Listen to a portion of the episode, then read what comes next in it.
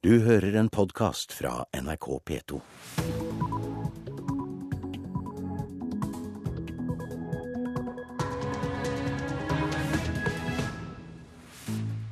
Klokka er 6.30. Du lytter til Nyhetsmorgen med Anne Jetlund Hansen i studio. Dette er hovedsakene våre i dag.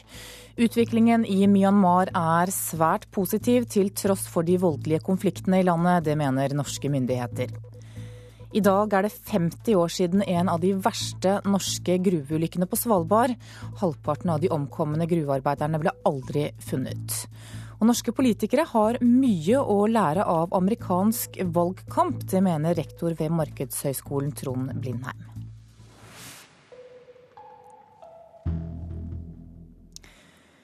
Til tross for den voldelige konflikten mellom buddhister og muslimer, er Myanmar i en svært positiv utvikling i retning av demokrati. Det mener utenriksminister Espen Barth Eide. I går åpnet Norge og Danmark ambassadekontor i landet, og både statsminister Jens Stoltenberg og utenriksminister Espen Barth Eide var til stede. De møtte både president Thein Sein og nobelprisvinner Aung San Suu Kyi, og Eide er svært entusiastisk. Det er jo en helt fascinerende utvikling i dette landet. Det er mitt tredje besøk på uh, bare 18 måneder. Og uh, gjennom de besøkene har jeg sett en utvikling vi knapt har sett uh, i noe annet land så fort, i retning av demokrati. Det er jo noe vi ser på, på, bakken, ser gjennom det arbeidet vi gjør. Og vi har en veldig god dialog med presidenten. Og Det som også er veldig hyggelig, det er at uh, gjennom mine møter på disse reisene med Aung San Suu Kyi, så har også hun gitt uttrykk for at uh, dette nå er veien mot demokrati i Myanmar. Hun har selvfølgelig sine synspunkter, og hun er jo nå blitt en ledende opposisjonspolitiker, sitter i parlamentet.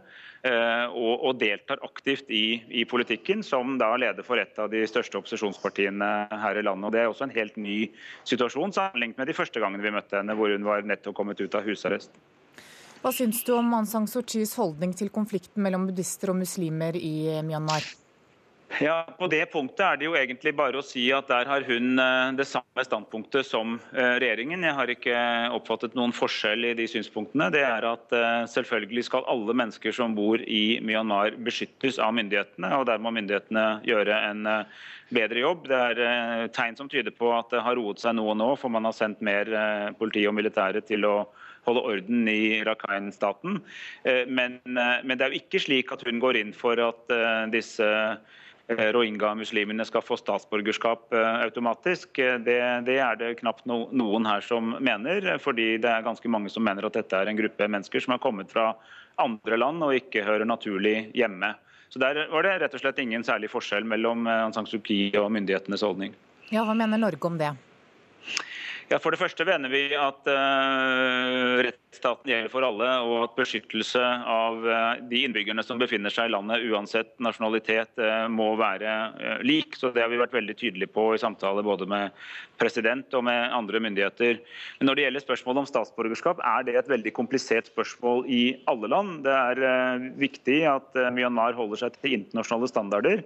Men det er ikke nødvendigvis slik at disse menneskene ville blitt gitt statsborgerskap i europeiske land heller dersom de hadde hatt en tilsvarende historie der. Så her må man rett og slett samarbeide regionalt om å finne en løsning hvor rohingya-muslimene, som jo er statsløse i mange land, også i nabolandet Bangladesh, og også når de prøver å komme seg til Thailand, at man ser på dette i en regional sammenheng. Videre til deg, Asia-korrespondent Anders Magnus. Du følger Jens Stoltenberg på hans rundreise i Asia nå, og du var også med på dette møtet med Aung San Suu Kyi. Hva kan du fortelle om det som skjedde der? Det er nok en økende avstand i holdningen mellom den norske regjeringen og Aung San Suu Kyi. Hun har nok sett på seg selv som en slags portvakt som skal bestemme hva og på hvilken måte regjeringer fra Vesten skal ha kontakt med den, den regjeringen i Myanmar som er ledet av en tidligere general. Nå skjer det i mindre og mindre grad. og man kan nok merke en litt økende irritasjon fra Aung San Suu Kyis side på at hun ikke er den viktigste personen lenger når norske myndigheter snakker med Myanmars myndigheter. At, man, at Norge har et mye mer direkte forhold til statslederen i Myanmar, men at Aung San Suu Kyis stemme blir en tilleggsstemme som også blir hørt. Ja, hvordan opplever du eh, Aung San Suu Kyis forhold til konflikten mellom buddhister og muslimer i landet? Barth Eide beskrev det jo eh, på en eh, diplomatisk måte, men det er klart at hun støtter buddhistene. Hun er jo selv en ivrig buddhist. Og hun har nok et veldig kritisk forhold til rohingya-muslimene. Mener at ingen av de som har kommet til landet etter 1948 bør få statsborgerskap. Og eh, hun er også ganske skeptisk til eh, hvem som har gjort hva i denne konflikten. Hun har jo eh, sagt at det kan være at noen av disse muslimene selv har tent på sine landsbyer for å skape sympati for sin sak. Så hun er nok ganske muslimkritisk, og det skaper nok også en viss avstand til den holdningen som den norske regjeringen har i, i denne saken. Så vi ser en utvikling nå hvor gudebildet av Aung San Suu Kyi eh, blir erstattet av eh, en vanlig, vanlig, eh, en vanlig politiker, en opposisjonspolitiker, som, som, har synspunkter på konflikter og situasjoner i landet som ikke nødvendigvis Norge vil dele. Nå har du reist videre til Laos. Hva er det som skjer der? Her er statsministeren med på et møte mellom asiatiske og europeiske land i en organisasjon som heter ASEM, eh, som eh, jeg tror få i Norge kjenner, fordi Norge har ikke vært med før akkurat i år. Vi er nettopp blitt tatt opp som medlemmer.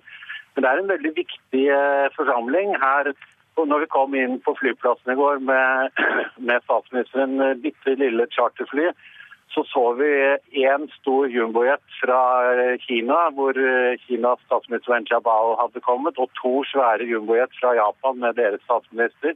Det kommer statsledere fra Europa, Russland eh, og store deler av Asia. Så, eh, så dette er en mektig forsamling hvor man bl.a. skal diskutere konflikter eh, også innad i Asia, som Kinas konflikt med nabolandene i Sør-Kina-havet.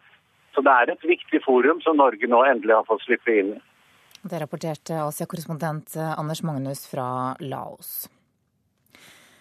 Vanligvis så hører vi om boligutbyggere som fortviler over at det tar for lang tid med saksbehandlingen i kommunene. Men et nytt boligprosjekt i Oslo ble klart uvanlig raskt fordi utbygger og kommunen snakket mer sammen enn de vanligvis gjør. Det tok bare tre måneder fra JM kjøpte tomta ved Akerselva i Oslo til de fikk klarsignal til å bygge. Det er jo formidabelt å selge 63 leiligheter på, på i realiteten eh, under to uker. Da. Jeg greier ikke la være å smile når du sier det, vet du.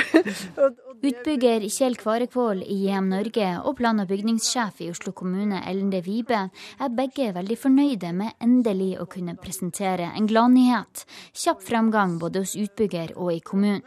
De står på Elvelund, en tomt ved Akerselva i Oslo, der spaden settes i jorda allerede i desember, etter at JM Norge kjøpte tomta i april. Det er veldig fort at et prosjekt stopper litt opp fordi man eh, får diskusjoner mellom myndighetene og oss. Og, det, og da blir det fort litt mer formalistisk, og det tar rett og slett lengre tid. Så eh, nei, dette er det raskeste jeg har opplevd eh, i de, den tiden jeg har jobbet i bransjen. Sier markedskommunikasjonsdirektør Kjell Kvarekvål, som har holdt på tolv år i byggebransjen. Det står i kontrast til mye av det vi har rapportert om tidligere. Om rigide offentlige krav som fordyrer og forsinker, treg saksbehandling og en byggebransje som blir mindre effektiv. Men denne gangen er det ingen grunn til å klage, synes Kvarekvål. Ja, og i denne saken så har, eh, må jeg si at kommunen virkelig har gjort en, en flott jobb eh, i, i, forbindelse med rammesøknaden vår. Kommune og utbygger har hatt bedre og mindre formell dialog enn de vanligvis har, er utbygger Kvarekvåls viktigste svar på hvorfor det gikk så kjapt denne gangen. Vi har rett og slett fått til et godt samarbeid. Men det ikke, er det ikke sånn det egentlig bør være, da?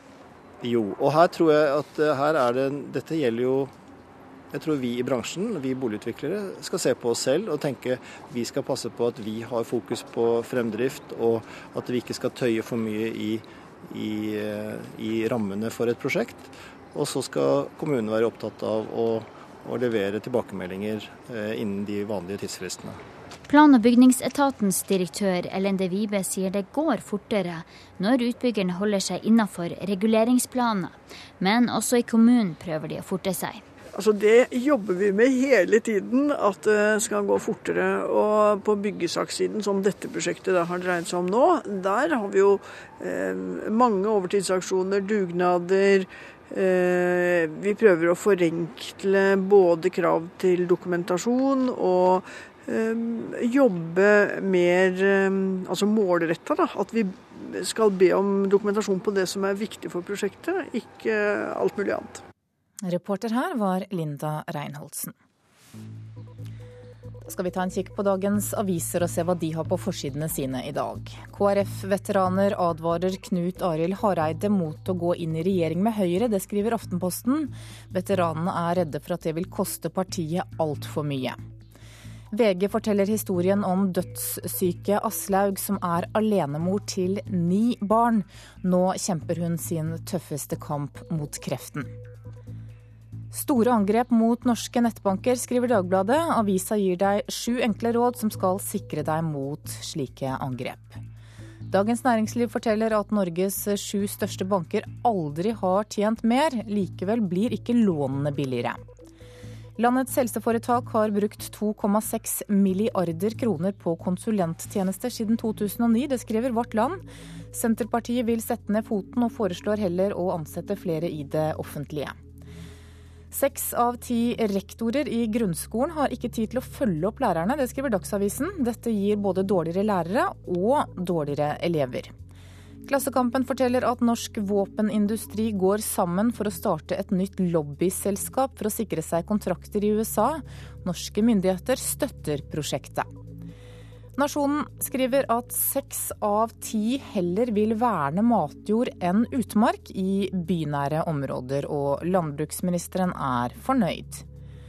Bergensavisen forteller om pasientombudet i Hordaland som har fått ny livsstil etter å ha røykt 15 om dagen og veid over 100 kg i flere år. Og Finansavisen skriver at kunstmarkedet i Norge er elendig. Sjefen for Blomkvist kunsthandel sier at folk bare er opptatt av olje, eiendom og Birken.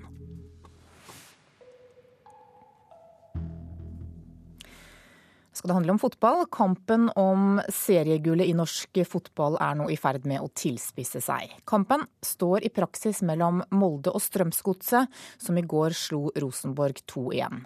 Men NRKs fotballekspert mener at serien allerede er avgjort. Kovac header i mål! Han gjør det! Peter Kovac gjør det! Med denne 2-1-skåringa fikk Strømsgodset hekta av Rosenborg i gullkampen i går. En thriller av ei strid som nå står mellom serieleder Molde og trener Ronny Deilas menn i nettopp Strømsgodset. Jeg tenker at uh, vi er veldig nære. Vi er i hvert fall i dag kanskje sikra vår medalje. Det er 90, 90 sikkert. Det er jo en stor bragd, bare det. Ronny Deila og Godset ligger kun ett poeng bak Molde når to kamper står igjen av sesongen. En Rosenborg-trener Jan Jønsson utelukker ikke at drammenserne kan kapre ligatrofeet helt på tampen. Det er fordel, eh, fordel Molde, men det er klart at Godset med tre poeng i dag har en, en bra og realistisk sjanse også. Og at det er Strømsgodset og ikke giganten Rosenborg som fortsatt har en sjanse, sjokkerer ikke den svenske treneren. Han lovpriser innsatsen til sine overmenn fra Marienlyst. Dette har pågått under tid, og de har hatt kontinuitet i sitt arbeid, så jeg er ikke så overrasket. Og de driller rundt, de herjer med Rosenborg. Det er litt realistisk når du liksom er skuffa hvis ikke du slår Rosenborg. Det, det har blitt sånn. Det er liksom, Rosenborg er, er et lag vi skal slå, og det, da har vi kommet ganske langt. Men langt nok til å vinne seriegull har de ikke kommet, skal en tro NRKs fotballekspert Karl Petter Løken. Nei, Jeg tror Molde, Molde, vinner. De har Hønefoss hjemme i neste. Der er jeg rimelig sikker på at Molde kommer til å ta tre poeng. Og så tror jeg faktisk Strømsgodset får trøbbel i Sandnes i neste runde. Jeg tror ikke de vinner i, i Sandnes. Sandnes Ulf eh, de har vært sterke på hjemmebane i det siste. Sandnes Ulf slo Fredrikstad 5-1 bl.a. Så jeg tror det faktisk avgjøres i neste runde. Vi skal slåss for de siste seks poengene, og så får vi bruke det klisjeen som Molde brukte vårs når vi leda, leda serien, at det er ikke gøy å bli pusta i nakken. Helt til slutt, hvem vinner serien? Det gjør Strømsgodset.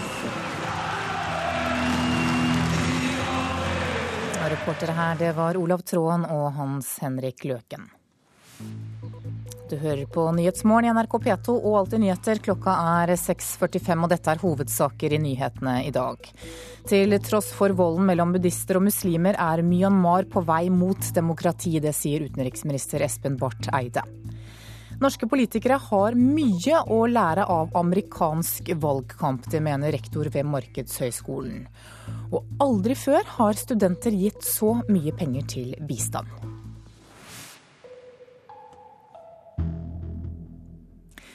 I dag er det 50 år siden en av de verste norske gruveulykkene på Svalbard. 21 gruvearbeidere mistet livet i en eksplosjon i Ny-Ålesund på Svalbard, og dette blir markert i ettermiddag. Både kong Harald og stortingspresidenten skal legge ned krans.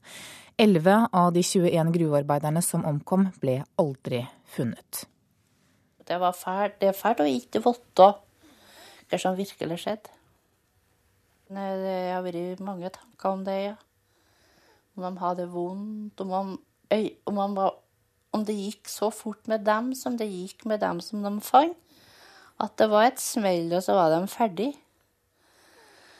Eller at det bare rasa igjen inni der de var da også. At de lå der og kanskje, kanskje var skada. Fælt det fortalte nå avdøde Målfrid Sæter, som for 50 år siden var kokke i Ny-Ålesund. Hun mista mannen Sverre i eksplosjonen. Det var kvart på elleve om kvelden den 5. november 1962 at ulykka skjedde. Det eneste folk i Ny-Ålesund merka, var at lyset blinka.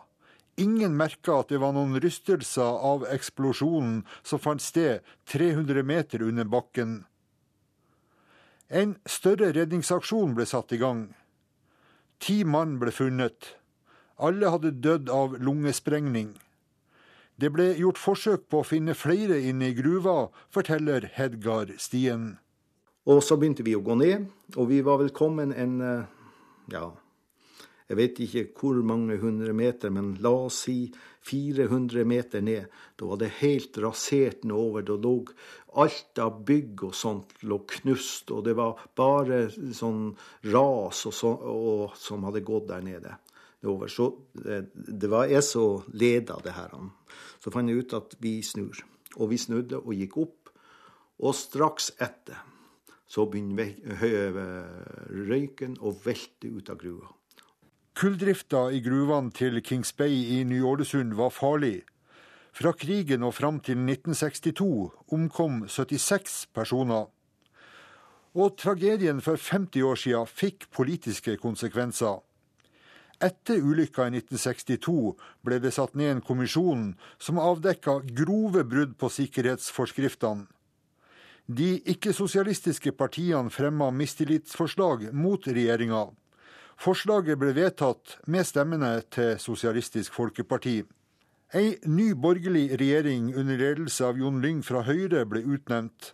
Kåre Willoch var medlem av Lyngs regjering. Willoch sier at det var en spent og en spesiell stemning i Stortinget under debatten om Kings Bay. Ja, først og fremst ulykkens tragiske karakter og alvor i at det ikke var lagt nok arbeid i sikkerhet, og at man ikke hadde respektert Stortingets forutsetninger godt nok.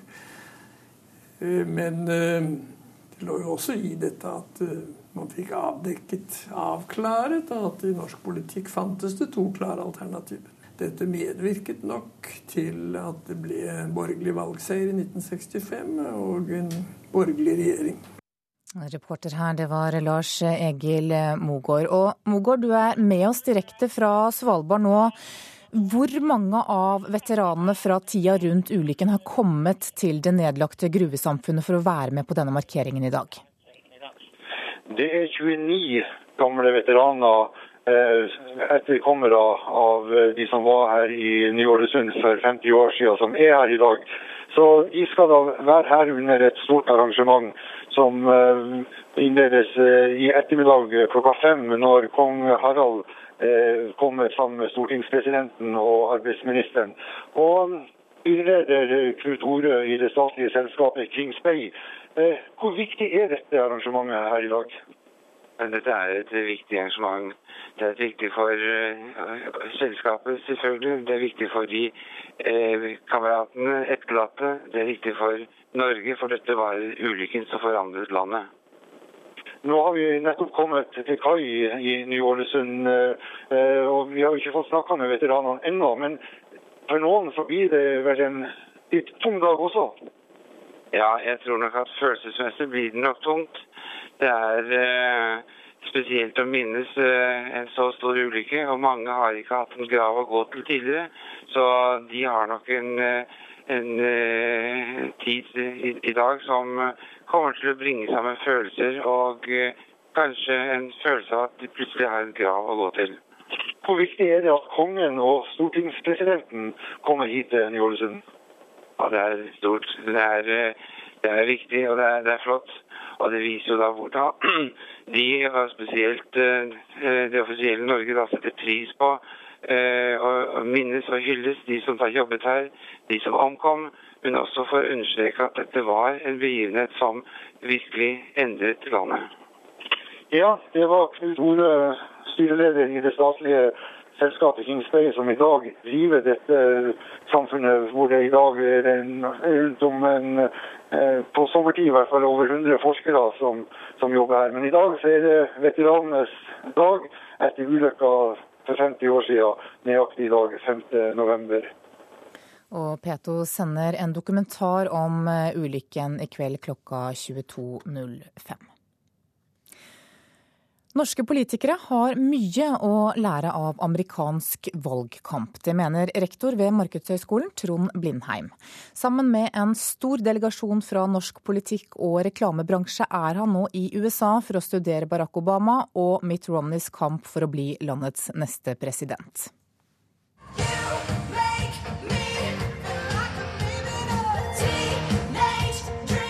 Katy Perry spilte for Obama-tilhengere i Wisconsin i helgen. De siste dagene har presidentkampanjene for alvor mobilisert musikere og skuespillere for å samle inn stemmer. Kjendiser eller personer som har eh, på en eller annen måte fungerer som en referanseperson. Og Da er det viktig å få de på laget, og at de også bidrar til å markedsføre den politiske kandidaten. Det sier rektor ved Markedshøgskolen i Oslo, Trond Blindheim. Sammen med rundt 70 andre nordmenn fra reklamebransjen og politiske partier er han på studietur i USA for å lære hvordan man skal nå frem med politiske budskap. Norske politikere og valgkampstrateger har mye å lære av den amerikanske valgkampen, mener Blindheim. De, selger jo presidentkandidater som de selger tannpasta i Norge altså markedsføringen av kandidatene og få frem personlighetene. Samtidig er det også veldig viktig å markedsføre og finne gode si, argumenter for eh, standpunktene deres. If you vote, I'll eat anything you tell me to. Garbage, hair, human toenails, underpants, whatever. I'll do it. Komiker Will Ferrell lover å spise tånegler eller søppel i bytte mot en stemme på Obama i en fersk kampanjevideo. Vote Obama. Ifølge Washington Post har de to amerikanske presidentkampanjene hittil brukt svimlende 733 millioner dollar, over 4,2 milliarder norske kroner, bare på TV-reklame. Dette her var trykt opp da i 2008 originalt for å henge, henge rundt uh, i byen. USA-kjenner Erik Møller Solheim står foran en original kampanjeplakat for Obama fra 2008. Han har skrevet bok om sin deltakelse i kampanjen, og følger årets valgkamp tett. Det er jo mye country på republikansk side, og du har sånn Kid Rock, som er sånn typisk arbeiderklasserepresentant. Valgmålingene er jevne, men når det kommer til kjendiser, leder Obama suverent. Mitt Romney har Meatloaf, Kid Rock, Clint Eastwood og Chuck Norris. Men lista over kjendiser som støtter Obamas kampanje, er mye lengre. I det store bildet så har det ikke eh, så har ikke hver enkelt, eh, hver enkelt støtteerklæring så veldig mye å si, men eh, når du summerer det opp, og så danner det seg et bilde av en profil og en type kandidat som kan, eh, kan slå heldig ut, da. Reportere her, det var Eirin Venås Sivertsen og Magnus Bratten. Og du skal få mer om innspurten i valgkampen i USA etter klokka sju her i Nyhetsmorgen. Aldri før har studenter gitt så mye penger til bistand. Studentorganisasjoner har samlet inn dobbelt så mye penger i år som de gjorde for ti år siden. I helga arrangerte medisinstudentene i Trondheim revy, og overskuddet går til FNs barnefond UNICEF. Vi gjør nummeret en gang til. Ja. Det er mye bedre enn i går. Vi mangler fortsatt litt for lyd. Siste finpuss er i gang. Skuespillere, orkester, manusforfatter, regissør, lys og kostymedesignere er på plass. Og alle er de medisinstudenter i Trondheim. Medisinstudentenes humanitærorganisasjon i Tromsø, Bergen, Trondheim og Oslo har jobba for å samle inn penger på ulike måter siden 1991. I år går alt overskuddet til Unicef, sier revysjef Lise Marit Aune. Ja, De fleste studentrevyene har jo på en måte som mål å bare gå i null. Eh, vi prøver å gå mest mulig i overskudd. Eh, I år så samarbeider jeg med Unicef, og de har valgt et sånn konkret prosjekt prosjektet i år er da å hindre hiv-smitte fra mor til barn i Mosambik. Medisinstudentene er ikke noe unntak. For i år har svært mange studenter over hele landet samla inn penger til ulike humanitære organisasjoner. Ifølge Bernt Apeland, generalsekretær i Unicef Norge, vil de tre største humanitære studentaksjonene samle inn over fem millioner kroner i år. Hvis du ser på eh, det siste tiåret, så har eh, inntektene fra de viktigste studentaksjonene da, rundt omkring eh, ved universitetene i Norge mer enn doblet seg. Og for vår del så ser vi at det har doblet seg mer enn én en gang. Så det er, en, det, er noe som skjer ved Eh, universitetene og høyskolene i Norge, som er veldig positivt. Inntektene som studentene samler inn gjennom revyer, konserter, bøssebæring og vaffelsteiking, utgjør nesten 10% av totalinntekten til Unicef. Det tilsvarer det organisasjonen får fra sine største samarbeidspartnere som Telenor og Ikea. Etter at vi har vært gjennom noen tiår hvor det kanskje har vært mer fokus på egen eh, fremtid, på egen materiell eh, velferd, så begynner eh, dagens unge å være mer opptatt av andre barn og andre unges oppvekstvilkår også. Det er jo den følelsen av å ikke bare være i sin egen boble her i Norge, og virkelig bidra utenfor. Og Det sa Camilla Struksnes, som er nasjonal nestleder for Medisinstudentenes humanitæraksjon 2012. Reporter var Kaja Kristin Næss.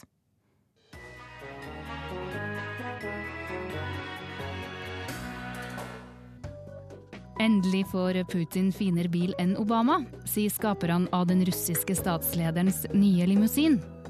Hør om presidentenes penisforlengere i Radioselskapet klokka 11.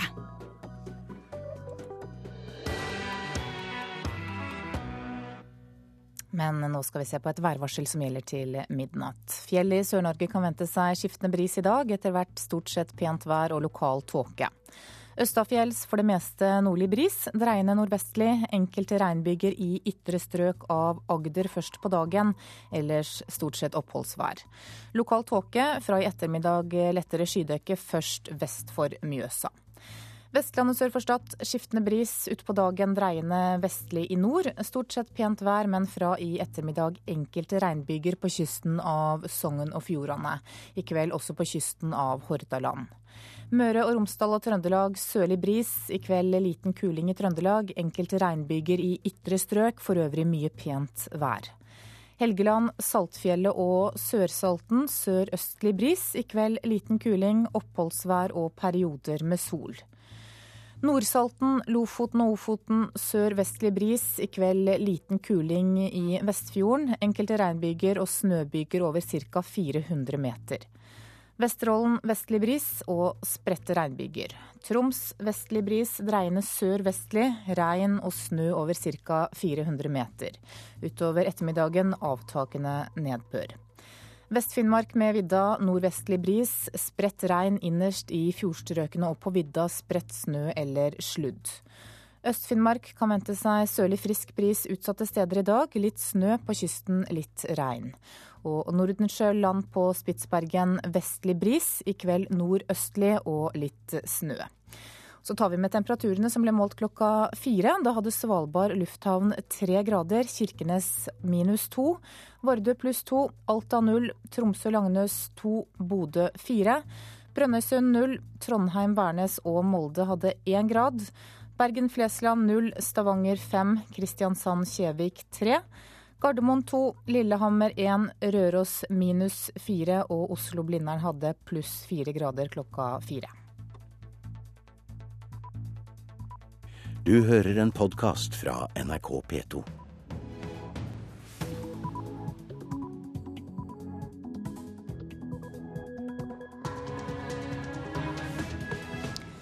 Klokka sju, du lytter til Nyhetsmorgen med Anne Gjertlund Hansen i studio, og her er en nyhetsoppdatering. I dag er det siste innspurt for Barack Obama, Mitt Romney og støttespillerne deres før presidentvalget. Og flere enn Bill Clinton begynner vel å merke slitasjen. The commander in chief, the man who brought you back and will take us forward, Barack Obama. Ja, det sa en rusten Bill Clinton. Utdanningsforbundet ville ha en godkjenningsordning som gir sertifiserte lærere i skolen, og det betyr også at lærerne kan miste sertifiseringen sin. Vi foreslår at sertifisering må være en del av et sånt nytt og bedre system.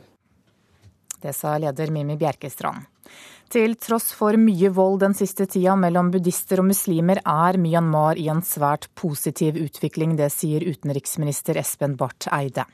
Det er mitt tredje besøk på uh, bare 18 måneder. Og uh, gjennom de besøkene har jeg sett en utvikling vi knapt har sett uh, i noe annet land så fort, i retning av demokrati. 650 domfelte møtte ikke opp for å sone straffen sin i fjor. Straffen for ikke å møte opp er altfor lav, mener assisterende fengselsleder i hoff Tevje Håre. Lærere flykter fra Stavangerskolen pga. skyhøye boligpriser i byen. Stavangerskolen har et godt rykte. Det er mange som har lyst til å jobbe i Stavanger, men det er mange som velger seg andre plasser. og Rett og slett pga. at de klarer ikke å komme inn på boligmarkedet. Ja, Det sa Stavanger-rektor Teddy Lykke Lysgård. Vi skal til USA. Om noen timer kaster de amerikanske presidentkandidatene seg ut i den siste hektiske dagen av en valgkamp som har vart i nesten ett år. Barack Obama og Mitt Romney skal gjøre en siste innspurt for å mobilisere kjernevelgerne sine i de viktige vippestatene.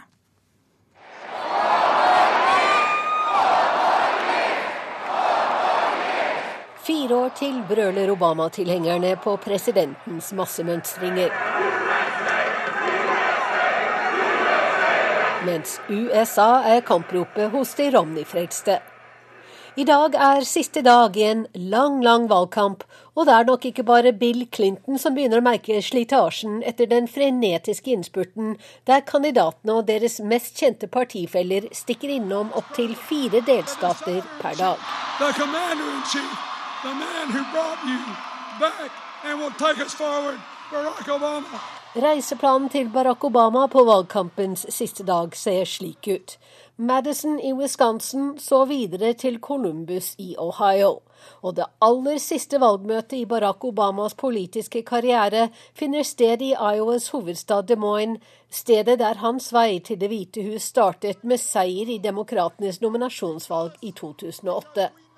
Derfra drar han og førstedame Michelle hjem til Chicago, der de skal være på valgdagen. Our fight goes on because America's always done best when everybody has a fair shot.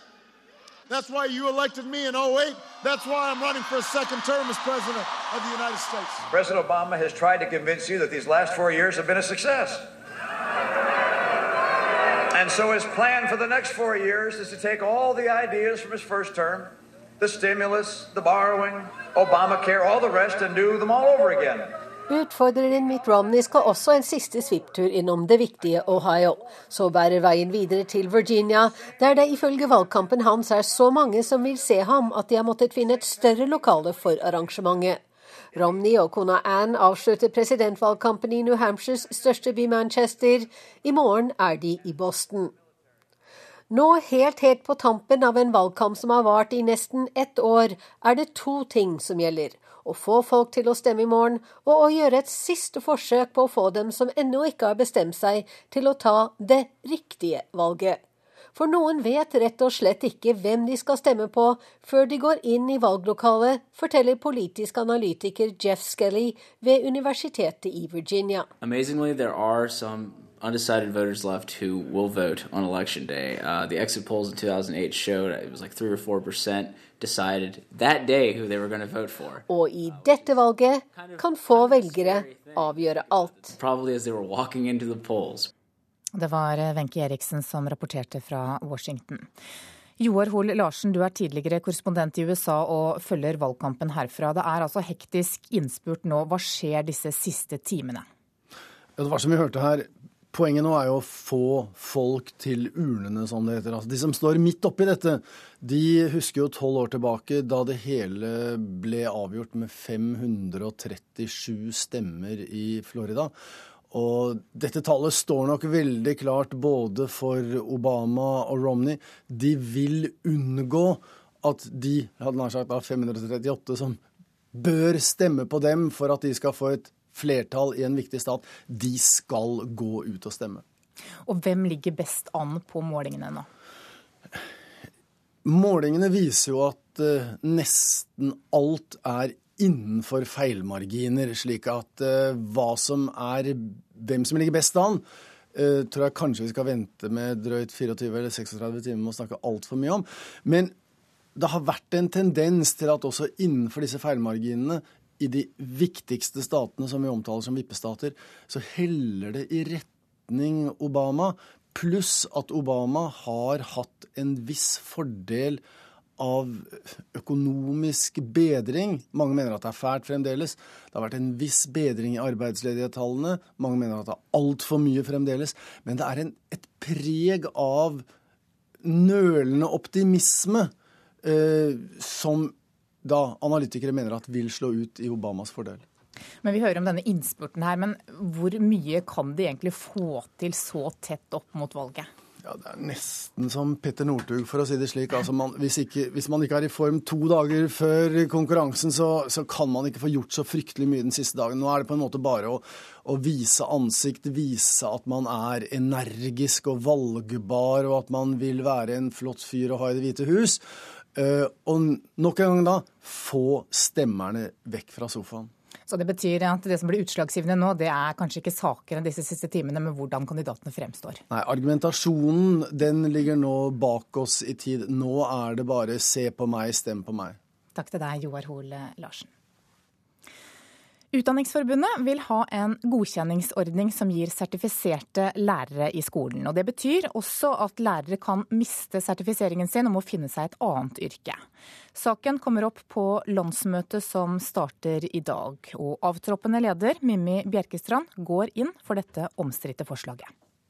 Vi foreslår at sertifisering må være en del av et sånt nytt og bedre system.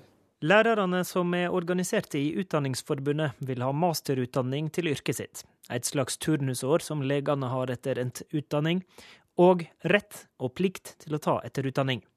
De som gjennomfører alt dette, skal få godkjent stempel. Sertifisert lærer. Vi mener at dette sikrer bedre kvalitet i tilbudet, både til barna i barnehagen og til elevene i skolen. Leder Bjerkestrand vil la landsmøtet ta debatten, men ser for seg at sertifiserte lærere skal få fordeler. I dag har vi lønnsforskjeller i forhold til oppgaver, i forhold til utdanning og i forhold til ansiennitet. Eh, slik sertifisering vil ha betydning for hvilken oppgaver og ansvar lærere skal ha på skolen, og derfor kan det også ha betydning for lønn. Ordninga vil også bidra til å luke ut lærere, sier hun. Ja, det ligger av et slikt system. Det er viktig at intensjonen med et system er å kvalifisere folk inn i læreryrket, ikke dømme de ut. Men det vil jo også være slik at hvis ikke du blir kvalifisert, så må du kanskje finne et annet yrke å eh, jobbe i. Diskusjonen om ordninga er ikke ny. Sertifisering har vært vurdert av Kunnskapsdepartementet.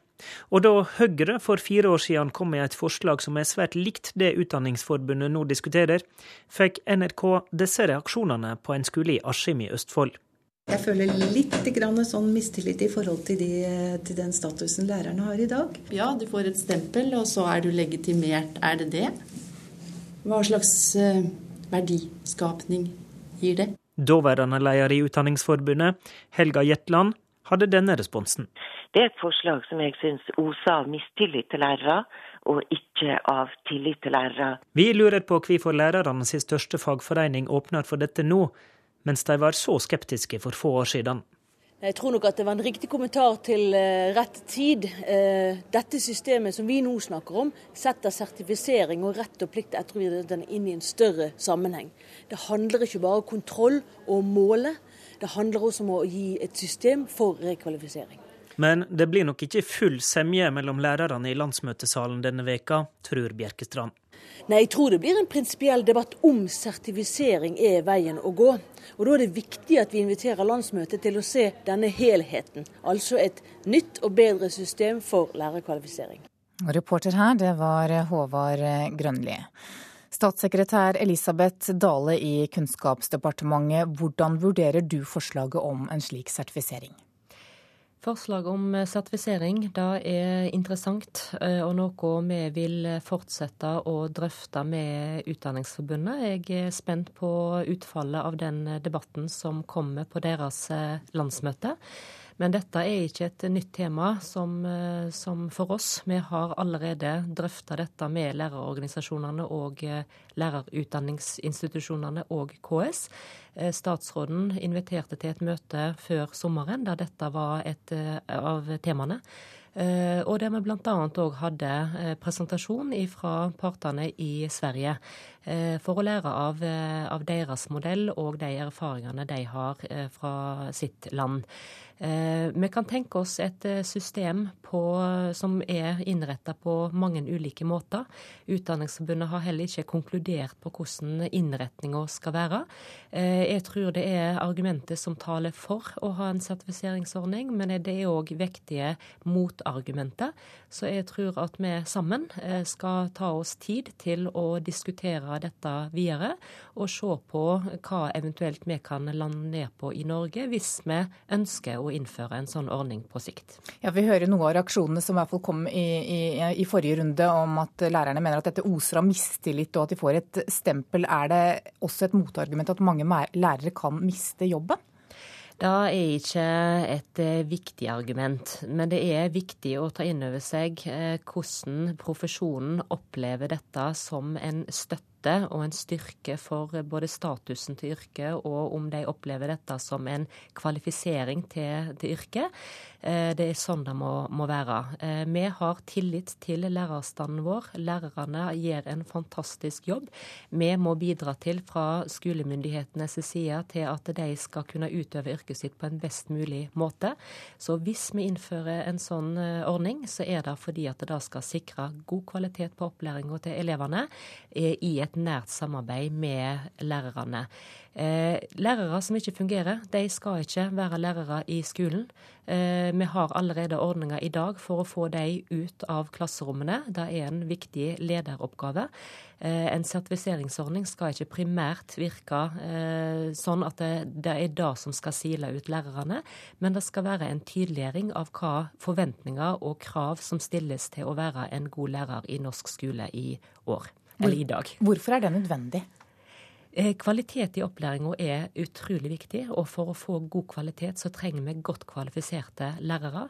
Da må vi sikre oss en god lærerutdanning. Vi må sikre gode eh, rettigheter i forhold til etter- og videreutdanning i et livslangt løp. Eh, og det handler om at vi skal gi den støtten som trengs for at de skal kunne fungere godt. En sertifiseringsordning er en, et lim mellom, sånn som jeg ser det, et lim mellom eh, lærerutdanninga og praksisfeltet, der de får god veiledning av en kyndig eh, person eh, i overgangen til å begynne eh, lærergjerningen sin ute i klasserommene. Takk til deg, statssekretær Elisabeth Dale i Kunnskapsdepartementet. Klokka nærmer seg 7.14. Du hører på Nyhetsmorgen i NRK P2. Dette er hovedsaker nå.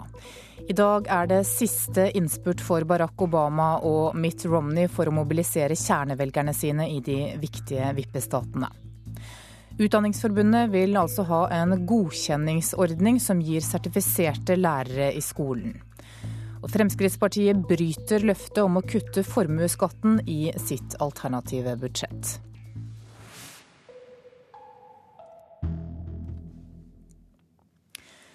650 domfelte ble i fjor anmeldt av kriminalomsorgen for å ha latt være å møte opp for å sone straffen sin.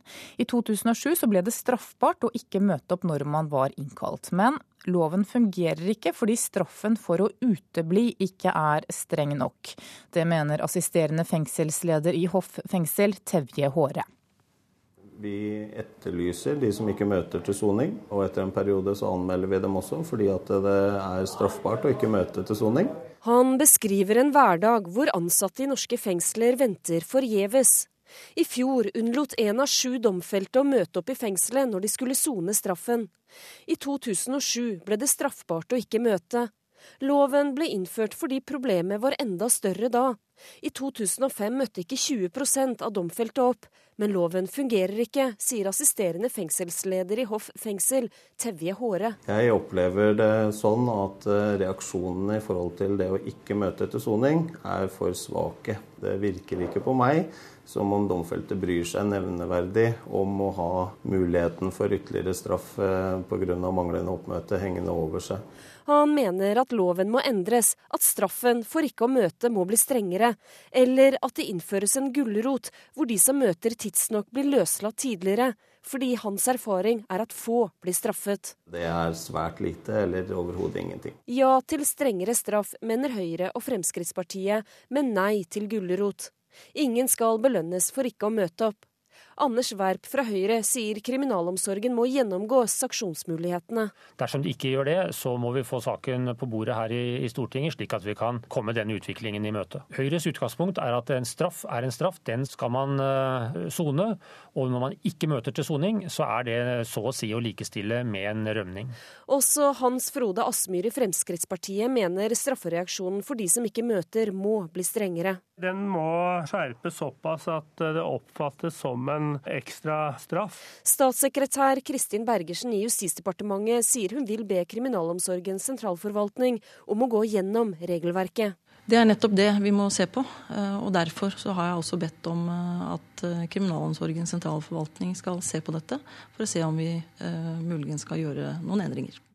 Reportere her var Ellen Omland og Anne Marte Moland. Fremskrittspartiet bryter løftet om å kutte formuesskatten i sitt alternative budsjett. Partiet har rett og slett ikke råd til å prioritere et av sine aller viktigste valgløfter. Og Norges mestbetalende skattyter Olav Thon er litt skuffet. Jeg har vel regnet med at eh, Frp kommer til å gjøre noe med både skatter og avgifter, og deriblant eh, kanskje også da formuesskatten. Men eh, da hadde jeg åpenbart ikke tenkt å gjøre det nå, da. Han betaler mer enn 100 millioner kroner i formuesskatt i året. Forrige uke sto han fram som Frp-støttespiller, et parti som lenge har framstått som garantisten for å fjerne formuesskatten. Vi vil over tid fjerne formuesskatten. Over tid, men ikke akkurat nå.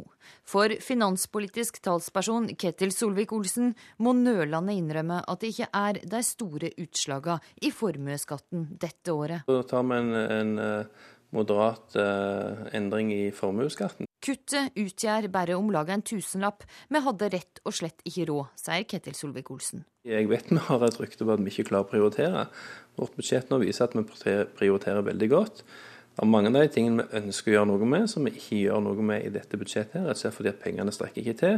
Jeg syns det er interessant. Sier leder i finanskomiteen for Arbeiderpartiet, Torgeir Micaelsen. Fordi det er to måter å tolke dette på. Det ene er at uh, debatten om nullskattytere at store lag av de mest velstående i samfunnet ville fått massive skattekutt ved å fjerne formuesskatten, har gitt Eh, gjort inntrykk på Frp, og derfor har de lagt forslaget bort. Eh, men jeg tror nok dessverre at dette er en sminka eh, utgave av FrPs skattepolitikk for å gjøre det lettere å bære dette budskapet fram ved valget neste år. Arbeiderpartiet og SV anklager Frp for å gi skattelette til de aller rikeste. Kan de fortsette med det når de har lagt fram dette alternative budsjettet? Nei, de kan jo ikke det. Det er åpenbart at en konsekvens av dette er at Arbeiderpartiet mister argumentet sitt. Den rikeste onkelen er litt skuffa, men han holder likevel fast på at Frp har hans støtte. Ja, det har det. Fremskrittspartiet er eneste partiet som eh, vil gjøre noe med alle disse skatter og avgifter som eh, ødelegger eh, for det alminnelige næringslivet. Reporter her, det var Astrid Randen. På Filippinene skal kommunistiske opprørere ha drept fire ubevæpnede soldater i et bakholdsangrep, det melder filippinske militære. Minst ti opprørere deltok i angrepet på soldatene, som var sivilkledd og på vei inn i leiren etter å ha vært på handletur på et lokalt marked. Angrep av denne typen skader forsøkene på å få liv i de stagnerte fredsforhandlingene i landet. En palestinsk mann ble drept av israelske soldater på Gazastripen i går. Ifølge palestinske kilder var mannen psykisk syk og ubevæpnet. En talskvinne for den israelske hæren bekrefter at soldatene åpnet ild mot en mann som nærmet seg sikkerhetsgjerdet mellom Gazastripen og Israel på palestinsk side. Ifølge talskvinnen ble det først skutt varselskudd, men mannen ble skutt da han ikke fulgte ordre om å snu. LOs største forbund i privat sektor vil ha raskere oljeboring i nord utenfor Lofoten og Vesterålen. Fellesforbundet foreslår at LO-kongressen i mai vedtar å starte letevirksomhet allerede neste høst. Det skriver Klassekampen. Og økonomimedarbeider Hedvig Bjørgum, hvorfor vil de det akkurat nå? De mener jo at uh, man ikke kan uh, ha et varig vern av noe område på norsk sokkel. Arve Bakke, som leder uh, Fellesforbundet, han sier til Klassekampen i dag at vi skal ta ut ressursene ettersom vi blir, blir i stand til det. Ikke noe område skal vernes varig.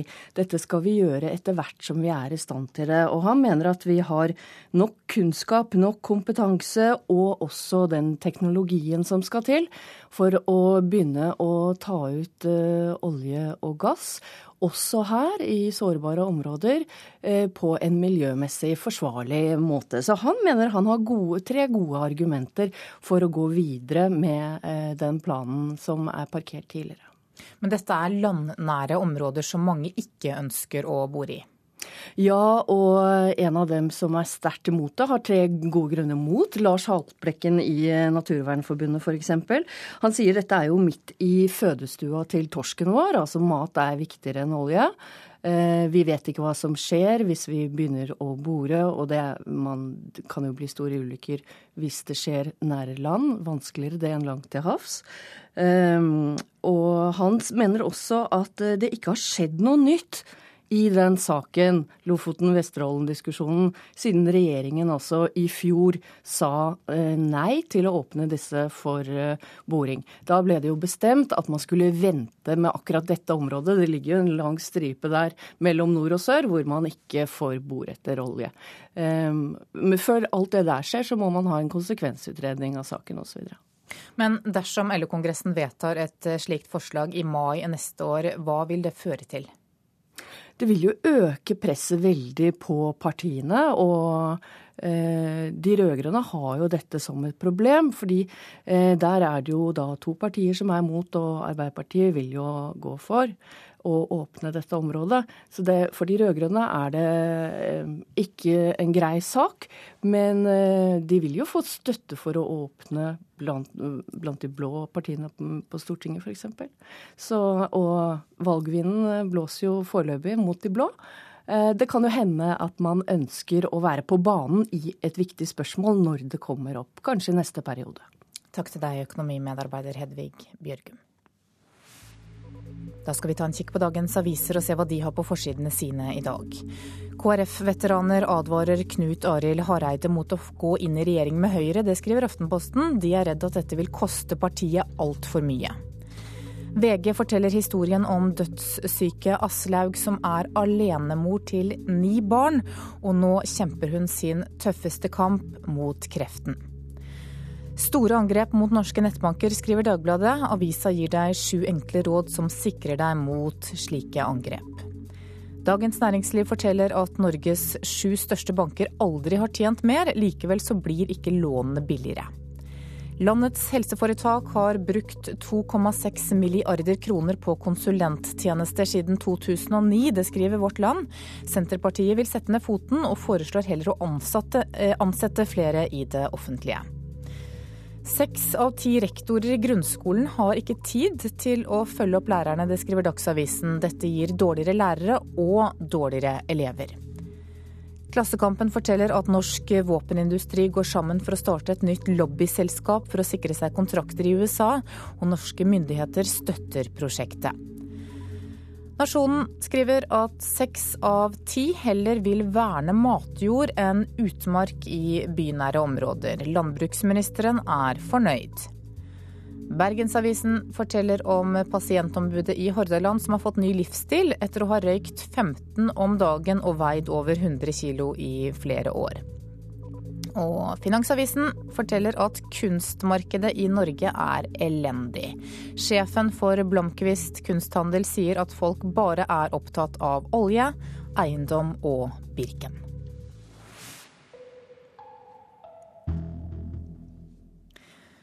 Skyhøye boligpriser er i ferd med å skape bemanningskrise i skolene i Stavanger-regionen. En rekke rektor har problemer med å få kvalifiserte søkere til ledige jobber. Mange lærere takker nemlig nei til ledige stillinger eller flytter ut av regionen fordi de ikke har råd til å kjøpe bolig i distriktet. Jeg har alltid hatt lyst til å bli lærer, og syns det er veldig kjekt å lære ifra meg. På Universitetet i Stavanger sitter lærerstudent Ingrid Reistad og venter på sine medstudenter. 21-åringen har tatt toget til Ullandhaug fra Egersund. og bor på hybel i Stavanger har aldri vært aktuelt. Nei, jeg holder faktisk på å bygge leilighet nå i Egersund sjøl. Så det er jo litt derfor jeg ønsker å jobbe der, og jeg trives veldig godt i Egersund. Tommy og Sigbjørn Skjæveland utdanner seg også til lærere. Begge ønsker å jobbe på Nord-Jæren i fremtiden, men bor fortsatt hjemme hos foreldrene. Ja, det blir jo mer og mer vrient å på en måte komme seg ut, men uh, er det ikke sånn at jeg mister nattesøvnen over det, egentlig? Det kan det kanskje være grunn til. Velstandsutviklingen på Nord-Jæren har gitt skyhøye boligpriser og økte sosiale forskjeller. Skolen, som en forskningsrapport fra Iris nylig definerte som selve suksesskriteriet for regionens fremtid, kan bli det neste problemområdet. Det trenges en formidabel satsing på rekruttering. Sier leder av Utdanningsforbundet i Stavanger, Merete Handegård Skeie. Stavanger kommune sliter med rekruttering innenfor nesten alle fagområdene. Det er mange skoler i Stavanger som allerede mangler kvalifiserte lærere.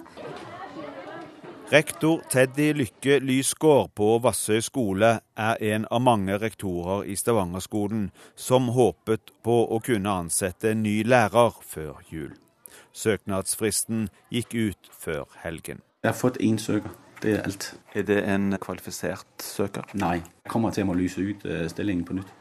Antall søkere på lærerstillinger har endret seg dramatisk i Stavanger det siste året.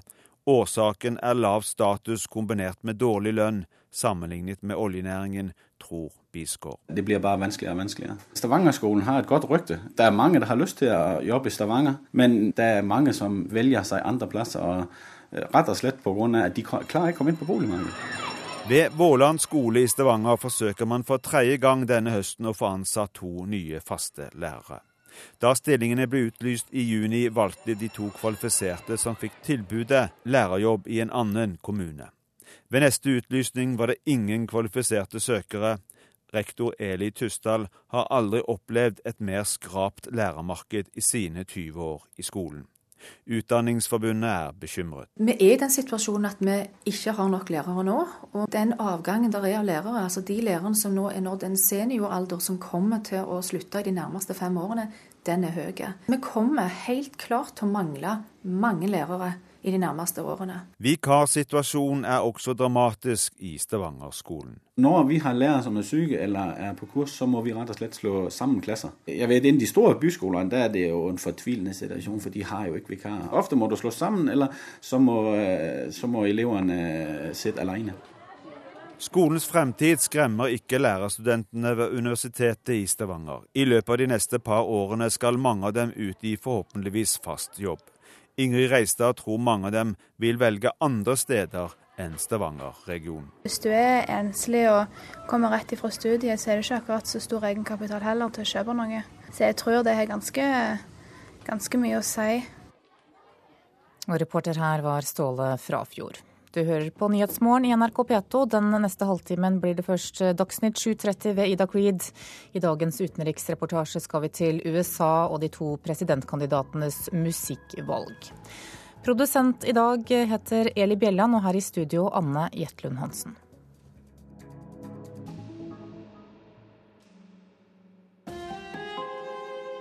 Hør ekko. En dag fant barna til Samuel en stripete fangedrakt, godt gjemt innerst på loftet. Da først, 20 år etter Auschwitz orket han fortelle om alt som hadde skjedd under krigen. Nå er han 89 og vil dele historien med deg. Hør Ekko på mandag. Ekko 9 11 i NRK P2.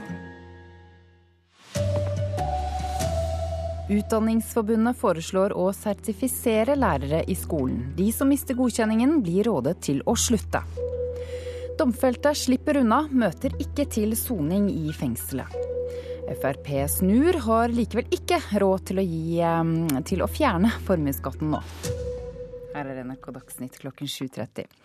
Utdanningsforbundet vil ha en godkjenningsordning som gir sertifiserte lærere i skolen. og Det betyr at også lærere kan miste sertifiseringen og dermed må finne seg et annet yrke. Avtroppende leder Mimmi Bjerkestrand går inn for det omstridte forslaget. Vi foreslår at sertifisering må være en del av et sånt nytt og bedre system. Lærerne som er organiserte i Utdanningsforbundet, vil ha masterutdanning til yrket sitt. Et slags turnusår som legene har etter endt utdanning, og rett og plikt til å ta etterutdanning. De som gjennomfører alt dette, skal få godkjent stempel. Sertifisert lærer. Vi mener at dette sikrer bedre kvalitet i tilbudet, både til barna i barnehagen og til elevene i skolen. Leder Bjerkestrand vil la landsmøtet ta debatten, men ser for seg at sertifiserte lærere skal få fordeler. I dag har vi lønnsforskjeller i forhold til oppgaver, i forhold til utdanning og i forhold til ansiennitet. Eh, slik sertifisering vil ha betydning for hvilken oppgaver og ansvar lærere skal ha på skolen, og derfor kan det også ha betydning for lønn. Ordninga vil også bidra til å luke ut lærere, sier hun. Ja, det ligger av et slikt system. Det er viktig at intensjonen med et system er å kvalifisere folk inn i læreryrket, ikke dømme de ut. Men det vil jo også være slik at hvis ikke du blir kvalifisert, så må du kanskje finne et annet yrke å eh, jobbe i. Denne saken kommer opp på landsmøtet som starter i dag, reporter Håvard Grønli. Og statssekretær i Kunnskapsdepartementet Elisabeth Dale sier forslaget er interessant, og at de vil fortsette å drøfte dette med Utdanningsforbundet. Lærere som ikke fungerer, de skal ikke være lærere i skolen. Eh, vi har allerede ordninger i dag for å få de ut av klasserommene. Det er en viktig lederoppgave. Eh, en sertifiseringsordning skal ikke primært virke eh, sånn at det er det som skal sile ut lærerne, men det skal være en tydeliggjøring av hva forventninger og krav som stilles til å være en god lærer i norsk skole i år. 650 domfelte ble i fjor anmeldt av kriminalomsorgen for ikke å ha møtt tidsnok til soning. I 2007 ble det straffbart å ikke møte opp når man var innkalt, men loven fungerer dårlig fordi straffen for å uteble ikke er streng nok, mener assisterende fengselsleder i Hoff fengsel Tevje Håre. Jeg opplever det sånn at eh, reaksjonene i forhold til det å ikke møte etter soning er for svake. En av sju domfelte møtte ikke opp i fengselet når de skulle sone straffen i 2011. I 2007 ble det straffbart å ikke møte. Loven ble innført fordi problemet var enda større da. I 2005 møtte ikke 20% av domfelte opp. Men loven fungerer ikke, sier assisterende fengselsleder i Hoff fengsel, Tevje Håre. Det virker ikke på meg som om domfelte bryr seg nevneverdig om å ha muligheten for ytterligere straff eh, pga. manglende oppmøte hengende over seg. Han mener at loven må endres, at straffen for ikke å møte må bli strengere, eller at det innføres en gulrot hvor de som møter tidsnok blir løslatt tidligere fordi hans erfaring er at få blir straffet. Det er svært lite, eller overhodet ingenting. Ja til strengere straff, mener Høyre og Fremskrittspartiet, men nei til gulrot. Ingen skal belønnes for ikke å møte opp. Anders Werp fra Høyre sier kriminalomsorgen må gjennomgå sanksjonsmulighetene. Dersom de ikke gjør det, så må vi få saken på bordet her i, i Stortinget, slik at vi kan komme denne utviklingen i møte. Den må skjerpes såpass at det oppfattes som en ekstra straff. Sier Frode Asmyr fra Fremskrittspartiet. Statssekretær Kristin Bergersen i Justisdepartementet sier hun vil be Kriminalomsorgens sentralforvaltning om å gå gjennom regelverket. Det er nettopp det vi må se på, for å se om vi eh, muligens skal gjøre noen endringer. Reportere Ellen Omland og Anne Marte Moland. Til USA. Om noen dager, eh, om noen timer, kaster de amerikanske presidentkandidatene seg ut i den siste hektiske dagen av en valgkamp som har vart i nesten et helt år. Barack Obama og Mitt Romney skal gjøre en siste innspurt for å mobilisere kjernevelgerne sine i de viktige vippestatene.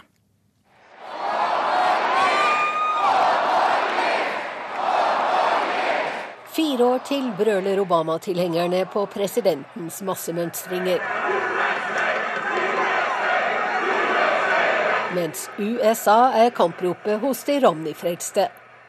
I dag er siste dag i en lang, lang valgkamp, og det er nok ikke bare Bill Clinton som begynner å merke slitasjen etter den frenetiske innspurten, der kandidatene og deres mest kjente partifeller stikker innom opptil fire delstater per dag.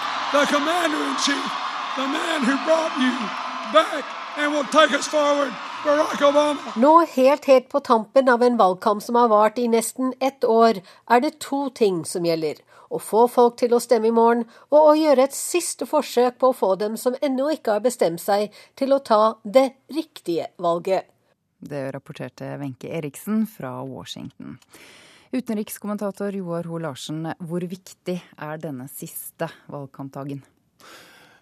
Det er vel ikke akkurat nå det er tiden for de store analysene og økonomiske argumentene og de utenrikspolitiske visjonene.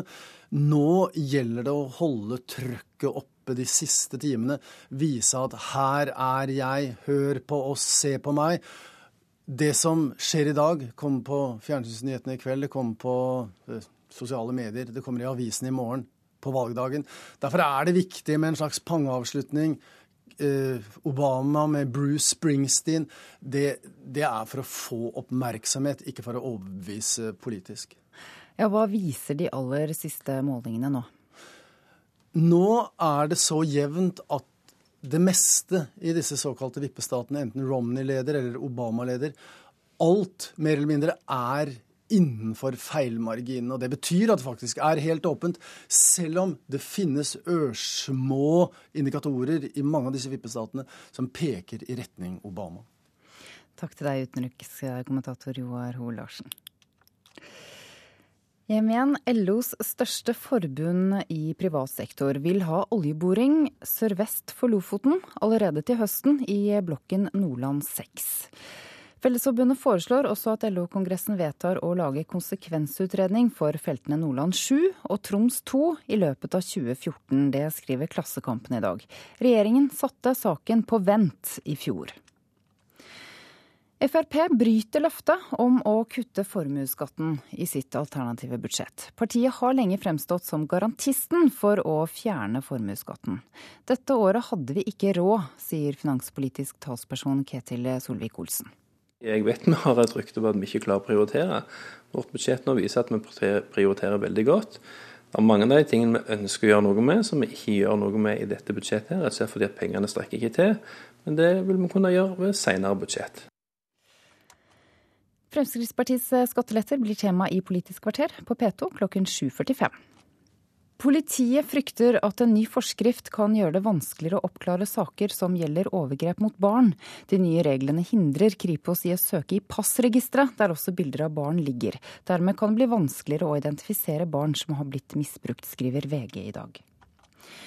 Så sport. Gullstriden i norsk fotball blir stadig mer tilspisset. Kampen står i praksis mellom Molde og Strømsgodsa, som i går slo Rosenborg 2-1. Men eh, serien er allerede avgjort, mener NRKs fotballekspert.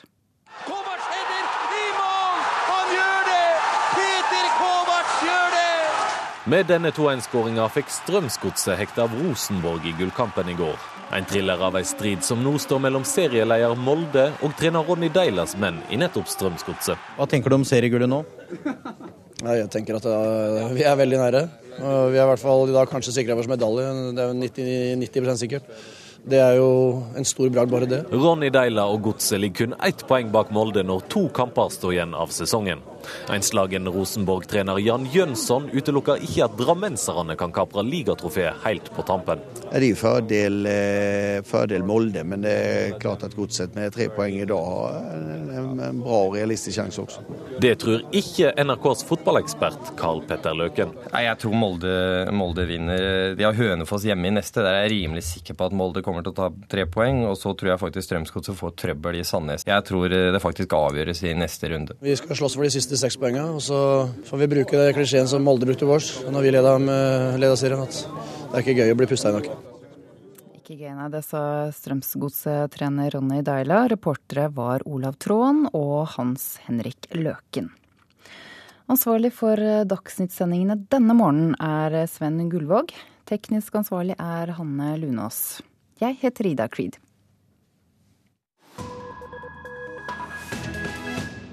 Nyhetsmorgen fortsetter med mer om valget i USA. Ofte så er det ikke så altfor mye som skiller de to store partienes presidentkandidater rent politisk. Og Derfor tar de i bruk alle virkemidler for å overbevise velgerne om at de egentlig er svært så forskjellige. Rent symbolsk forsøker de å formidle disse forskjellene gjennom sitt valg av musikk.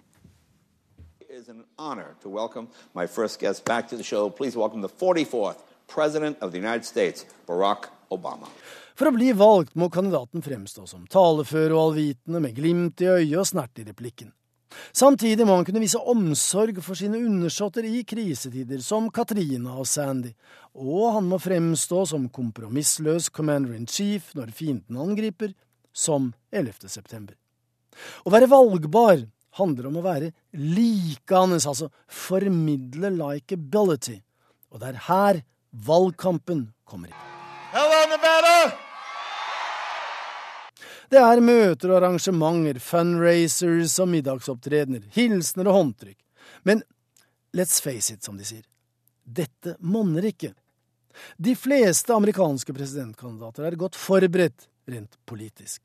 De har vært senatorer eller guvernører, mer enn halvparten har studert juss, de har søte barn, presentabel kone og artig hund. How is Bo, by the way? Bo is wonderful. He is the smartest dog on the planet. Right. He is my son. I have two girls and a boy. Men ingenting av dette hjelper hvis kandidaten selv virker slapp og lat.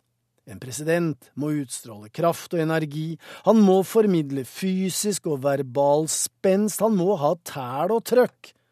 Alt dette må fortettes i de få sekundene etter at han er introdusert som Mens hans målløper sprek og sporty frem mot mikrofonen. Og det er her musikken kommer inn.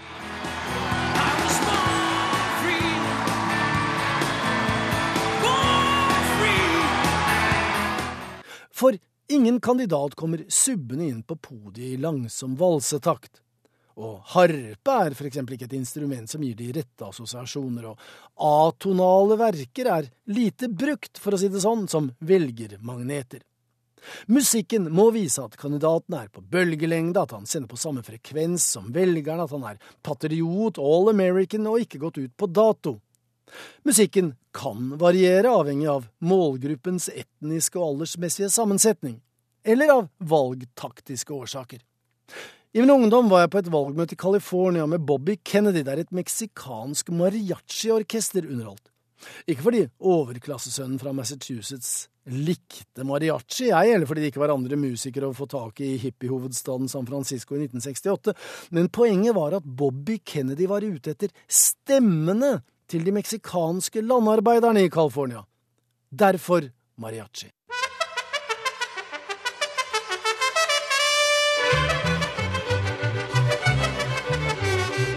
Dette var etnisk-politisk bonding uttrykt gjennom musikk. Og når Mitt Romney i dag sier han liker indie-rockerne i The Killers, bare navnet Vel, det kan selvfølgelig være at han digger postpunk, men det kan også være at han vil stå skulder ved skulder med USAs nest mest berømte mormoner, Killers-vokalisten Brandon Flowers. For musikk i et amerikansk valg er så definitivt noe mer enn noter og toner, og er symbolsk oppsummert i det amerikanske konkurranseuttrykket It ain't over until the fat lady sings. Og reporter her, det var Joar Hoel Larsen. Hovedsaker i nyhetene i dag er at Utdanningsforbundet vil ha en godkjenningsordning som gir sertifiserte lærere i skolen. De som mister godkjenningen blir rådet til å slutte. 650 domfelte møtte ikke opp til soning i fjor. Straffen for ikke å møte opp er altfor lav, mener fengselsleder.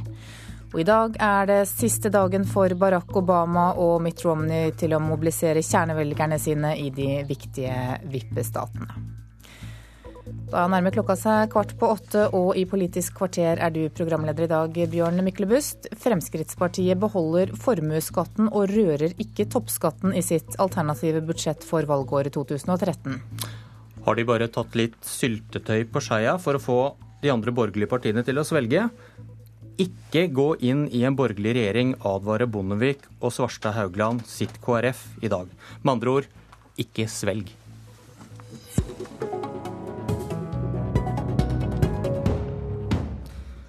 Parlamentarisk nestleder i Fremskrittspartiet, Ketil Solvik-Olsen, velkommen. Takk for det.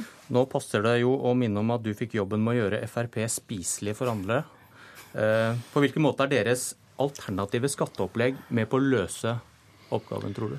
Jeg syns det er litt rart å høre hvordan NRK vinkler denne saken her. For ofte så får vi kritikk fra de andre partiene for at vi gir for mye i skattelettelse i sum. Og så har NRK denne gangen her tatt kun utgangspunkt i formuesskatten og later som at vi trekker oss på den. Fremskrittspartiet har aldri foreslått å fjerne den som, som en hovedsak. Vi har aldri foreslått å fjerne den i noe statsbudsjett. Men vi foreslår i år, som i fjor, å ta en gradvis reduksjon av den. Og vi øker nå innslagspunktet opp til 1 million kroner, sånn at nesten 100 000 færre nordmenn trenger å betale formuesskatten sammenlignet med regjeringspolitikk. Men det viktigste grepet vi gjør, og som koster mye penger, det er å gi økt minstefradrag til alle på inntektsskatten. Det vil gi 5600 kroner i skattelettelse for hver nordmann som betaler inntektsskatt. Det er en ganske formidabel skattelettelse. Så jeg kom egentlig til studio her for å få kritikk for at vi gir for mye skattelettelse, så vinkler NRK som vi gir for lite. Så da har vi sikkert truffet akkurat det. Det er ikke det vi sier som politikere. Og da er du kanskje klar til å svare på spørsmålet på hvilken måte er deres alternative skatteopplegg med på å løse den oppgaven om å, om å gjøre FrPs skattepolitikk mer spiselig for kanskje mannen ved siden av det her? Vi er mest opptatt av at vår skattepolitikk skal være attraktiv for velgerne som tenker som Frp, nemlig at vi skal beholde litt mer av vår inntekt Eh, effektivisere offentlig sektor, og dermed så vil alle komme bedre ut. Så har vi i år som i fjor gjort de vinklingene som er viktige i forhold til den økonomiske situasjonen landet er i. Nå er det relativt trangt på arbeidsmarkedet, altså det er manko på arbeidskraft. Den beste virkemiddelen for å få flere til å jobbe litt mer, det er å gi skattelettelse til de med lave og middels inntekt, og det er derfor vi prioriterer sånn som vi gjør i år. Det skal vi komme tilbake til, ikke alle er enig i det. Du, eh, Tar du for gitt at det må komme omfattende skatteletter med en borgerlig regjering? Ja, Det syns jeg er naturlig. Statsbudsjettet har altså økt med over 400 milliarder kroner fra 2005 fram til i dag. Om du da gir, eh, sånn som vi foreslår, litt over 20 milliarder kroner i skattelettelse, så betyr altså ikke det en betydelig innstramming i offentlig sektor. Tvert imot, det betyr bare at økningen blir litt mindre enn det den har vært.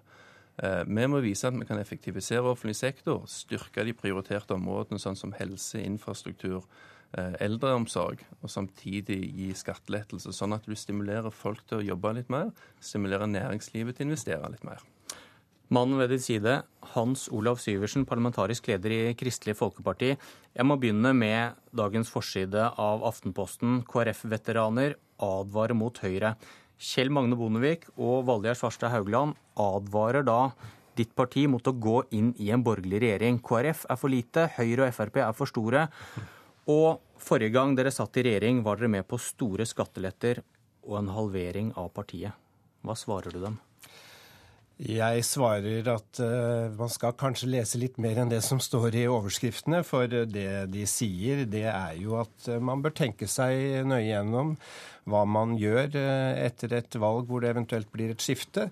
Det er fordeler og det er ulemper ved å sitte i regjering, og vi er veldig klar over alle de aspektene ved å gå inn i en regjering eller ikke. så jeg kan berolige alle, jeg, alle KrF-velgere og tidligere partiledere, alle at dette skal vi ta på største alvor. Og så skal vi eh, sørge for at dersom velgerne vil, og det er det viktigste, vil man ha mer KrF-politikk, så må man stemme KrF, og så skal vi vurdere hvordan vi skal forvalte Men, et slikt mandat. Hareide innrømmer vel i avisa i dag at han har fått råd fra Bondevik og Svarstad Haugland som går på tvers av det KrF har vedtatt? Ja, nå kan ikke jeg sitte her og si hvilke råd Hareide har fått, men uh, som sagt, det er, jo, det er jo ikke noe overraskende at man tenker igjennom hvorvidt man skal inn i en regjering eller ikke. Det er jo avhengig av hvor stort partiet er, hvor stort uh, andre partier er. Ikke minst uh, til syvende og sist hvor stort gjennomslag blir det for KrF-politikk. Det er i hvert fall mitt mål for et eventuelt regjeringssamarbeid, at da skal vi sette et KrF-stempel på en regjering, og så får det være avgjørende. Og det tror jeg de fleste velgerne i hvert fall også vil være opptatt av. Hvordan opplevde du perioden fra 2001 til 2005, da dere satt i regjering med Høyre? Ja, det er jo riktig som, som, eh, mange sier at eh, det ble krevende. Og det er jo en erfaring vi tar med oss. Samtidig så fikk vi jo jammen gjennomslag for mye. Styrke de frivillige organisasjonene, en trosopplæringsreform økt samarbeid eh, på tvers av samfunnets ulike grener innenfor frivilligheten. Og dere var med på store skattelettelser, 25 milliarder. Og vi var med på skattelettelser som i stor grad eh, gjorde at vi fikk styrket næringslivet. Og det var veldig viktig, for eh, det hadde den forrige regjeringen, Arbeiderpartiet, da kjørt i grøfta. Men, hvor, hvor, men si... hvor, hvorfor trengte dere da en havarikommisjon? For dette høres jo ut som en, du, jeg, et eventyr. Havari og havarikommisjon, men når over 12 en, når en regjeringsdeltakelse og vi får et valg hvor vi blir halvert, så tror jeg alle skjønner at da tenker man hva var det som gjorde det? Og Det var mange grunner til det, og en av årsakene var nok at det ble satt et stempel på at den regjeringen eh, var først og fremst opptatt av skattelettelser. Det mener jeg ikke var riktig, men det var det inntrykket som en del, litt for mange, satt igjen med. Så det er noe vi må ta med oss. Solvik-Olsen, hva tenker du om advarslene KrF får fra, eh, fra Bondevik? Nei, Det tror jeg handler litt om hans gamle historie mot Frp og Carl I. Hagen. Men det gjelder Høyre også? Jo, men han har ikke klart å komme seg videre fra den situasjonen som, som var når han var aktiv i politikken. Jeg tror vi skal være glad for at det er friskt blod både i Fremskrittspartiet, Høyre, Frems KrF og Venstre nå, som gjør at vi kan se framover hvilke muligheter vi har sammen, istedenfor å skue bakover. Jeg vil òg gi honnør til de skattelettelsene som KrF var med på under Bondevik-regjeringen, for det har vært litt av grunnlaget for at du har hatt den fantastiske økonomiske situasjonen du har i dag. Og så skal vi òg se at handlingsrommet framover er mye større enn det det var under Bondevik-regjeringen. Bondevik-regjeringen ble si, offer for at du fikk en veldig renteøkning i 2002. Eh, samtidig som oljeprisene gikk eh, veldig sterkt ned, og som dermed reduserte oljeinvesteringene inn i norsk økonomi. Disse, under det rød-grønne så har altså oljeprisene gått kraftig opp. Det har ingenting med rød-grønn politikk å gjøre, men det har noe med Kinas eh, inntreden i verdensøkonomien. Og Det gjør at Norge kommer godt ut sjøl eh, om du ikke gjør noen politiske endringer. Du, du sa noe tidligere i morges om at det dere kommer med i deres alternative budsjett, vil gi Arbeiderpartiet problemer med retorikken. Hva tenkte du på? Altså det, vi har jo eh, lenge før Arbeiderpartiet begynte med sine drittpakker om formuesskatt og sånne ting, eh, gjort, lagt dette budsjettet her, og vi har sendt det nå til SSB for å få beregna konsekvensene av det.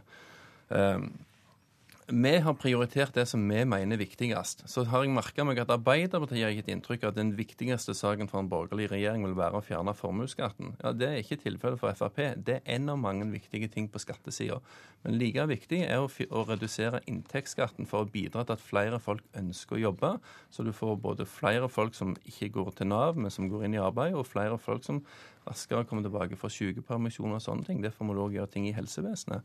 Men vår, vår største satsing har i alle år vært på minstefradrag på inntektsskatten, ikke på formuesskatten. Så vi håper at dette her kan vri debatten, at vi diskuterer proporsjonene riktig, og ikke late som at det eneste som er viktig for en ny borgerlig eller ikke-sosialistisk regjering, for å ta med KrF, er, formuesskatten. Det er en del av en viktig pakke. Så Arbeiderpartiet mister et argument om at dere bare vil eh, please de rike? Ja, jeg tror ikke at Arbeiderpartiet slutter å bruke dette argumentet, fordi at Arbeiderpartiet har jo som regel eh, ikke forholdt seg til realitetene i eh, de borgerlige partienes politikk, men konstruert opp en virkelighet. Men la oss håpe at velgerne ser hvordan vi prioriterer, i hvert fall. I Drammen sitter Arbeiderpartiets Torgeir Micaelsen og lurer på hva i all verden han skal si nå.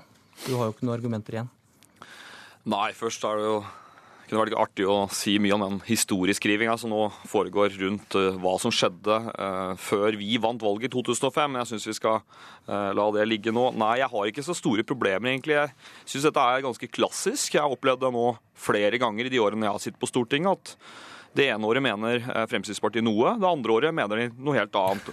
Jo, men det er jo ikke eh, Altså, eh, Solvik-Olsen Ja, jeg hører. Jeg, jeg, jeg syns du snakker tull, men det er greit. 8. 8. mars i år så fremmet du et forslag i Stortinget. Ja. Det handlet ikke om minstefradraget, men det handlet om formuesskatten, at den skulle fjernes. Ja. Den behandlet vi, og vi har si, hatt den til behandling i Stortinget. Ja. I sommer bekreftet din skattepolitiske talsmann, Christian Tybring-Gjedde, mm. at formuesskatten var en av de viktigste sakene. Mm. Eh, og det sto ved lag alle løftene som dere hadde gitt, opp mot 100 milliarder kroner i skattekutt. Så, ja, Han gikk i hvert fall god for de, så du får jo ta det opp med han. da. Nei, han har ikke gått god for de, men det er god greit. for, Men det, det, er, det, er det, det er det samme. Ja, det kan det være. Eh, poenget er, jeg har hele tiden respektert det at Frp i tillegg mener det de nå foreslår i sitt statsbudsjett. Men jeg synes ikke det er riktig å tenke seg at hvem er det som skulle tro at de bare skulle gå videre med dette. Jeg tror at dette eh, som de nå foreslår, kommer helt sikkert, eller hvis Frp får styre. Men i tillegg så kommer en rekke andre forslag. og Det gjelder jo formuesskatten. Jeg har jo eh, gang på gang vært i debatt med deg, Solvik-Olsen, om arveavgiften, Yes. om dokumentavgiften. Ja. Dere har foreslått i Stortinget at dere skulle fjerne alle bompenger over natta. At dere skulle gjøre opp den gjelda som bompengeselskapene har. Du, du, mener, du, mener, du mener han prøver å lure velgerne her? Nei, jeg, jeg vil ikke bruke ordet lure, men det er klart at dette er ikke den fulle og hele sannheten om FrPs skattepolitikk. Og jeg ser jo også, jeg, altså Det er vanskelig å forholde seg til på en annen måte enn at når jeg hver eneste gang jeg møter Solvik-Olsen, Jan Tore Sanner eller andre i debatter om hvordan næringslivet har det i Norge, og det er det debatten har gått om de siste månedene, så skal de fjerne formuesskatten og arveavgiften. Når de nå ikke fremmer det forslaget i sitt alternative budsjett, det fremste dokumentet i Stortinget der vi skal vise fram de politiske forskjellene, så syns jeg kanskje det er litt rart, og sier også litt om at det er litt vanskelig å ta det alvorlig når man fra ene året til andre driver og prioriterer på denne måten. Jo, men da får jeg ønske Tor- Tor- Torgeir Micaelsen inn, velkommen inn i virkelig verden. Fordi du, jeg tror du må være den eneste i verden som tror at Frp sine løfter skal gjennomføres på ett år. Nei, det har jeg aldri sagt. Jo, Det er jo det du gir inntrykk av. Hvis vi ikke legger en full fjerning av formuesskatt, full fjerning av alt som- Men en fjerdedel, en fjerdedel kanskje, da, hadde Ja, vært rimelig. Jo, men vi, vi, vi gjør en reduksjon på formuesskatten som gjør at 100 000 færre nordmenn vil betale den hvis Frp sitt opplegg går igjennom. Men poenget er at vi har mange visjoner for framtiden som henger sammen, men alle kan ikke gjennomføres på ett år. Og vi må se på hvordan situasjonen i norsk økonomi, hva er de viktige utfordringene som vi står for på mange områder, og så gjør vi den prioriteringen. Vi Mm. gir skattelettelse på over 20 milliarder kroner. Jeg syns det er greit hvis du syns det er altfor lite. Før har du syntes det var uansvarlig mye.